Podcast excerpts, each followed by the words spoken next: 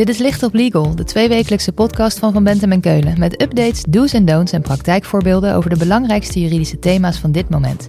Pragmatisch vertaald naar de impact op jouw organisatie. Gebracht door onze eigen experts. En dat je dus ook als interne toezichthouder eh, zicht en eh, controle moet kunnen uitoefenen waar in welk samenwerkingsverband jouw instelling en jouw bestuur acteert. Dat is, dat is wel duidelijk dat, eh, dat je daar iets mee moet. Sinds 1 januari 2022 zijn de Wet Toetreding Zorgaanbieders, de WTZA, en de Governance Code Zorg 2022 van kracht. Dit betekent dat bestaande zorgaanbieders hun huidige organisatiestructuur onder de loep moeten nemen. En dat voor nieuwe zorgaanbieders andere regels gelden als ze willen toetreden tot de markt.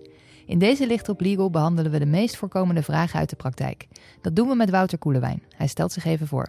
Ja, Wouter Koelewijn. Ik ben advocaat eh, op het gebied van de gezondheidszorg bij Van Bentem en Keulen.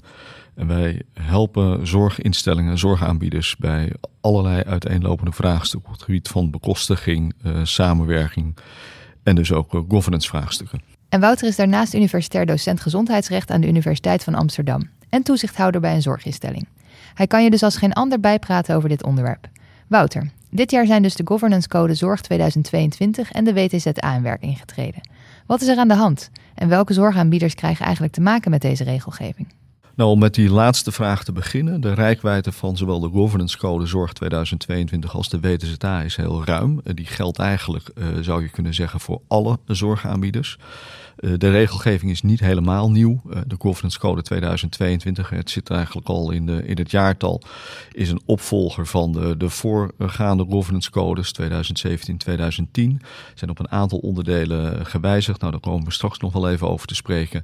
En de wet toetreding zorgaanbieders uh, is ook niet helemaal nieuw. We kenden voorheen de wet toelating zorginstellingen, de WTZI. Uh, en je zou de WTZA kunnen zien als een opvolger, deels vervanging van die WTZI. En wat gaat er dan precies veranderen? Ja, er zijn vier onderdelen van de wetgeving die veranderen of waar wijzigingen voorkomen. Met de uh, invoering van de WTZA worden zorginstellingen verplicht om, als zij zorg willen gaan starten, een zorginstelling willen gaan starten, verplicht om zich van tevoren te melden. Uh, dat is de eerste grote belangrijke wijziging. Eh, de tweede belangrijke wijziging is dat de, uh, de, de vergunningplicht voor nieuwe zorgaanbieders, die wordt eigenlijk uitgebreid. Dus er komen meer zorginstellingen, meer zorgaanbieders onder de rijkwijde van de verplichte vergunning, de toetredingsvergunning te vallen. Um, het derde punt waar het een en ander op wijzigt is dat ook um, met die uitbreiding van die vergunningplicht worden ook de zogenaamde bestuursstructuureisen uitgebreid. Daar komen we straks ook nog wel even over te spreken. De, de eis om een raad van toezicht of een raad van commissarissen in te stellen, afhankelijk van de rechtspersoon die je hebt. En de uh, vierde belangrijke verandering is dat de zogenaamde jaarverantwoording uh, wordt uitgebreid. Dus meer zorgaanbieders zullen openbaar verantwoording moeten afleggen over hoe zij het financieel gedaan hebben in een bepaald jaar. Duidelijk. En dit gebeurt natuurlijk allemaal met een reden. Wat is de bedoeling van deze nieuwe regelgeving? Ja, de achterliggende bedoeling van de wetgever is, met heel, is eigenlijk hetzelfde als met heel veel zorgregelgeving. Uh, uh, zicht krijgen op en, en waarborgen van uh, kwaliteit van zorg. En als het gaat om hè, dat, dat, je, dat, dat verloopt langs twee pijlers. Aan de ene kant transparant zijn als zorgaanbieder, dus transparant verantwoording afleggen publiekelijk. Nou, daar, daar zit die jaarverantwoording, zit daar met name op. En die meldplicht en die vergunningplicht zijn eigenlijk bedoeld om in een vroegtijdig stadium ook de toezichthouder, de IGJ en het CIBG, dat is het agentschap wat onder het ministerie van VWS hangt, uh, uh, inzicht te geven in welke nieuwe zorgaanbieders er zijn.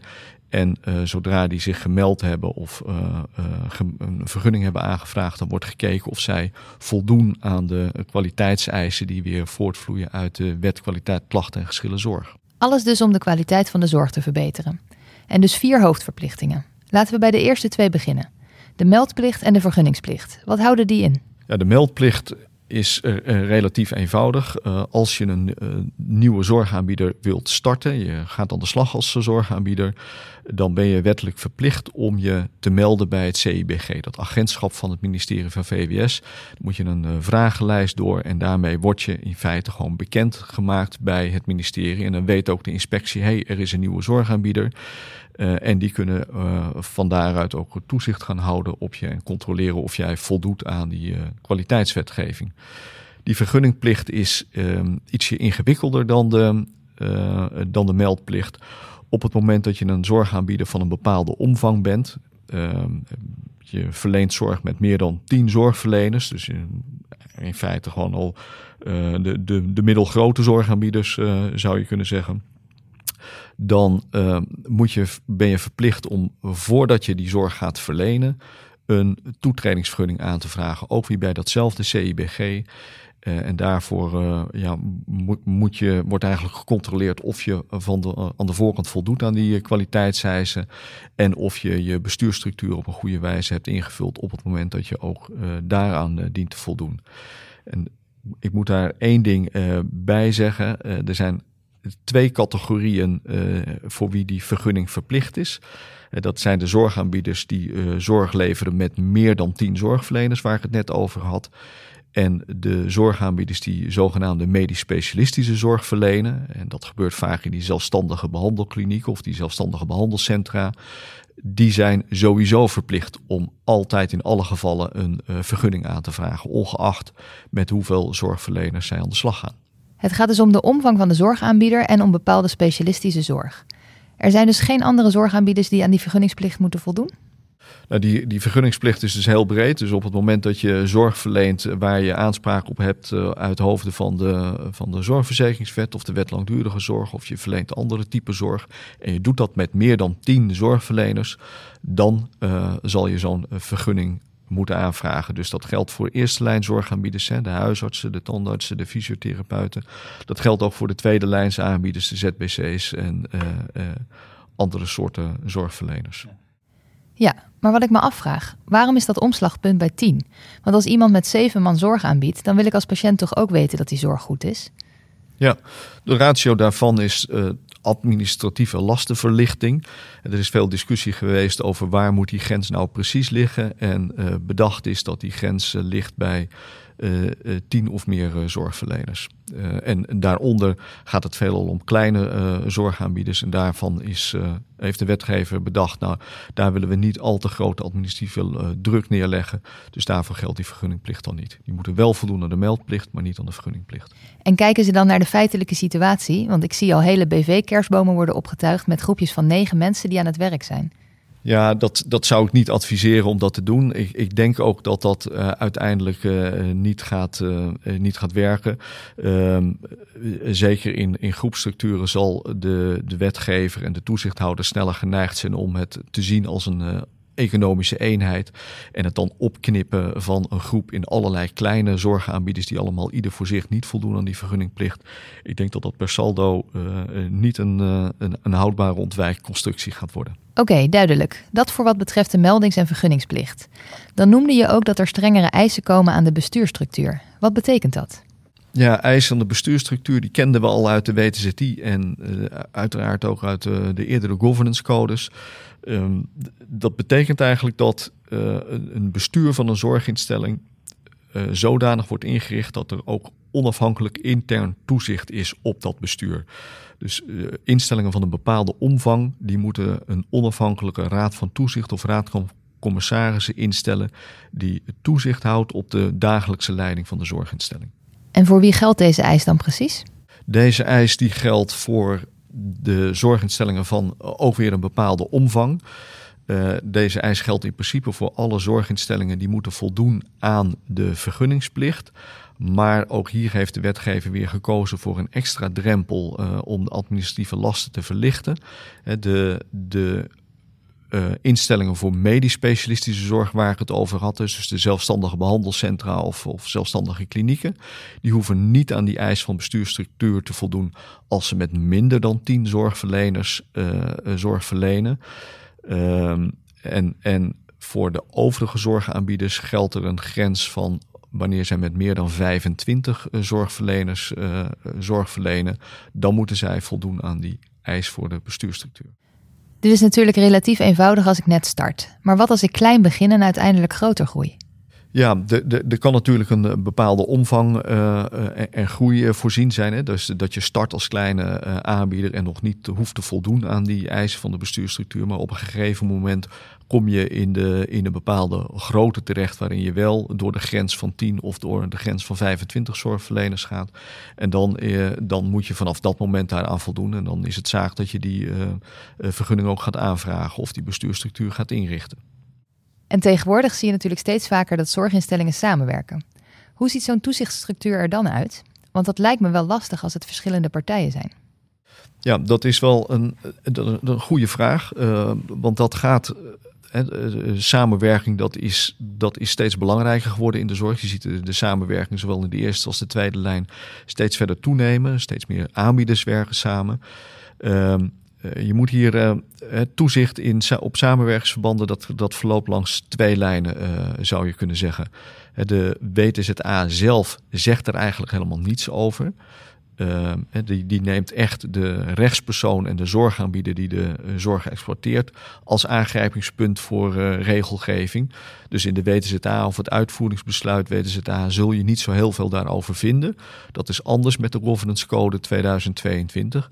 Daar zien we dat de opstellers van de Governance Code gezegd hebben: ja, de principes van de codes, transparante maatschappelijke doelstellingen, onafhankelijk toezicht inrichten, Ehm, eh, voorkomen van belangenverstrengeling. Allemaal dat soort zaken, belangrijke principes uit die codes. Daarvan zeggen de, uh, de brancheorganisaties, wij willen dat uh, die ook doorwerken in samenwerkingsverbanden. Hoe dat precies werkt in die samenwerkingsverbanden, dat is niet helemaal duidelijk. Hè. Daar laten de opstellers van de code laten het veld daarin vrij. Maar dat die principes doordienen te werken in samenwerkingsverbanden. En dat je dus ook als interne toezichthouder uh, zicht en uh, controle moet kunnen uitoefenen waar in welk samenwerkingsverband jouw instelling en jouw bestuur acteert. Dat is, dat is wel duidelijk dat, uh, dat je daar iets mee moet. Dus daar moet je op een of andere manier over gaan nadenken en afspraken over maken. Ja, en de meest voor de hand liggende afspraak die je maakt is dat je als, als raad van toezicht je raad van bestuur actief bevraagd. En uh, in welke samenwerkingsverbanden participeren wij precies. En voordat we in samenwerkingsverbanden uh, aangaan of ons onttrekken uit samenwerkingsverbanden, dat dat in afstemming en zo nodig in goedkeuring uh, gebeurt met je raad van toezicht. En daar kunnen prima op, op eh, raad van toezicht, raad van bestuurniveau afspraken over worden gemaakt of vastgelegd zo nodig in, uh, in bestuursreglementen. Het is in ieder geval belangrijk dat als je samenwerkt dat je erop let hoe je zo'n toezichtstructuur inricht. Nu gaat de zorg natuurlijk om mensen, maar er zitten natuurlijk ook zorgverleners in die het doen voor de winst. Hoe zit het met winstuitkering in de zorg? Wijzigt de WTZA op dat punt de regelgeving? Dat lijkt me bijvoorbeeld relevant voor zelfstandige behandelcentra. Ja, winstuitkering in de zorg is, is natuurlijk al een maatschappelijk onderwerp wat, ehm, wat de afgelopen jaren flink in de belangstelling en waarover de nodige discussie is geweest. Met de inwerkingtreding van de WTZA verandert er eigenlijk op dit moment nog niks op dat uh, gebied. Hè. De regelgeving rond winstuitkering in de zorg, het verbod op winstoogmerk uh, is het officieel. Dat is uh, achtergebleven in de WTZI, hè, de Wet Toelating Zorginstellingen. En de uh, wetgever heeft rondom de invoering van de WTZA vrij expliciet overwogen dat ze niet voor ogen staat om die regelgeving op dit moment uh, te veranderen. Dus dat winst, verbod op winstoogmerk, dat blijft op dit moment uh, van kracht voor bijvoorbeeld instellingen die medisch specialistische zorg verlenen en waar, waar de, de ZBC's bijvoorbeeld mee te maken hebben. Dus bijvoorbeeld de chirurgen die langs de snelweg de wachtlijsten voor heupoperaties oplossen. Blijven die daaronder vallen?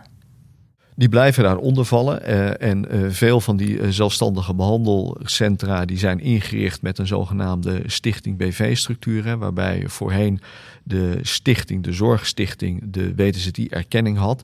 Die viel ook onder dat winstverbod. Ehm, en vervolgens ging zo'n stichting de zorg in onderaanneming uitbesteden aan de ZBC, aan een, aan een zorg-BV.